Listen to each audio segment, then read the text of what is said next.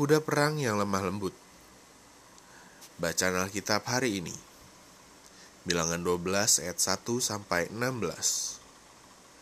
Miriam serta Harun mengatai Musa berkenan dengan perempuan Kus yang diambilnya.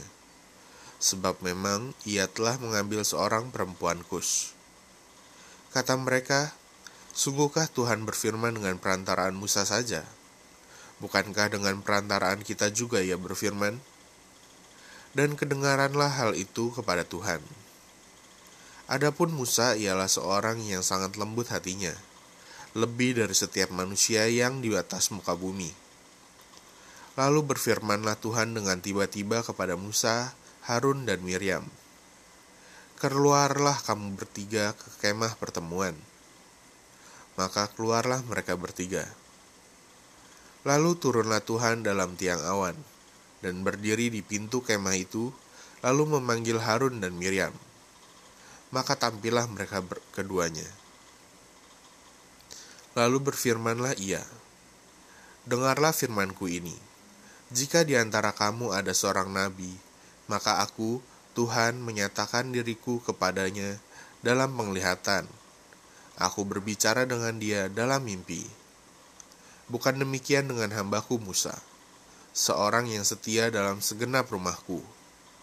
Berhadap-hadapan aku berbicara dengan dia, terus terang, bukan dengan teka-teki, dan ia memandang rupa Tuhan.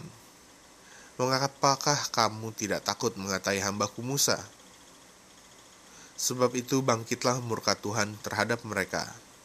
Lalu pergilah ia dan ketika awan telah naik dari atas kemah, maka tampaklah Miriam kena husta, putih seperti salju.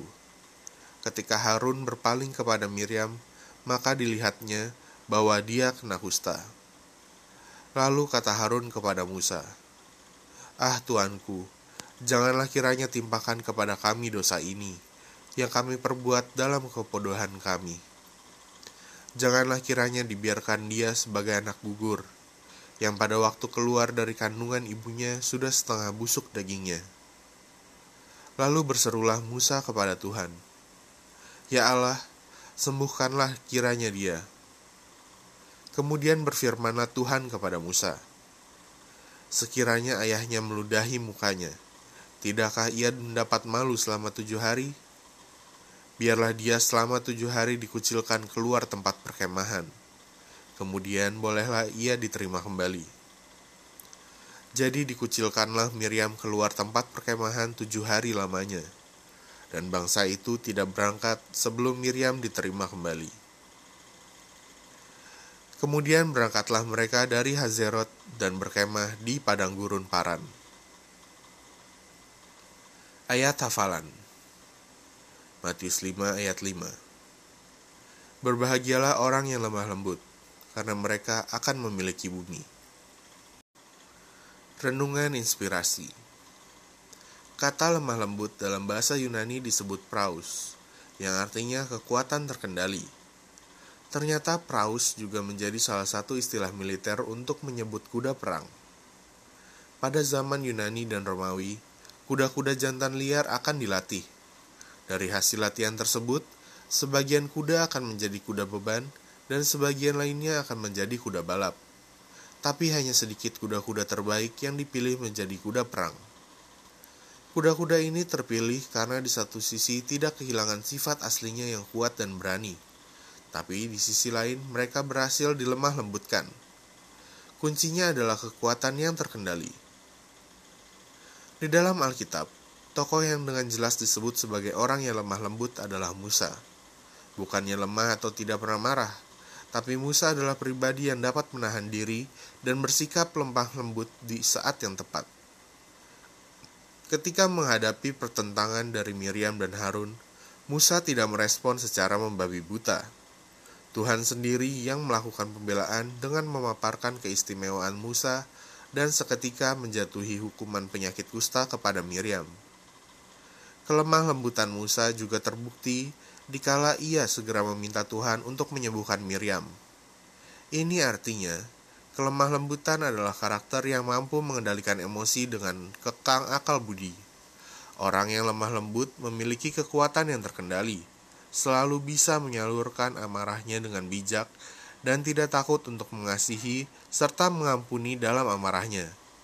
Mari lihat pada kehidupan kita, bagaimana sikap kita ketika mendapatkan suatu pertentangan yang memancing emosi kita.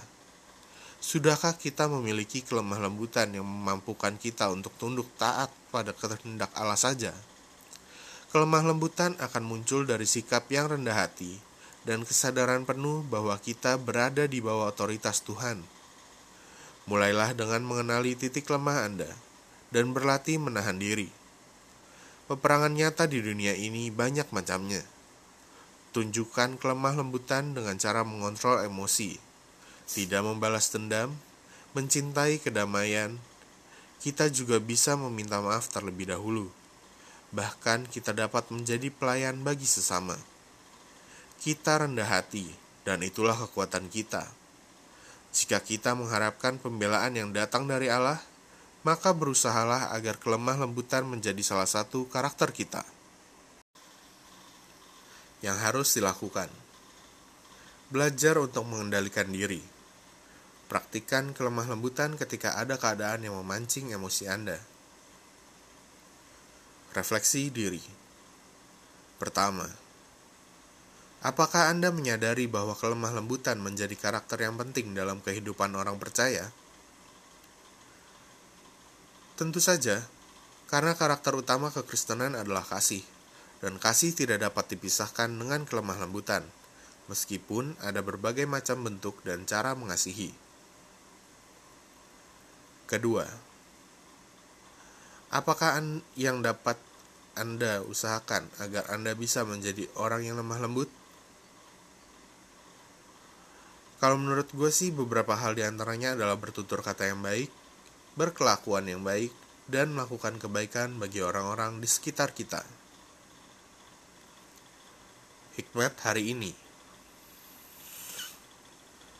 Meekness springs from a heart of humility radiating the fragrance of Christ. Matthew Henry Kelemah lembutan muncul dari hati yang rendah hati, memancarkan keharuman Kristus. Pokok doa Tuhan, aku mau menjadi orang yang patuh terhadap kehendakmu, agar hatiku semakin dilembutkan Berikan aku kesempatan agar aku dapat melatih pengendalian diri. Kiranya Tuhan selalu menyertai di setiap usahaku. Di dalam nama Yesus, aku berdoa dan memohon.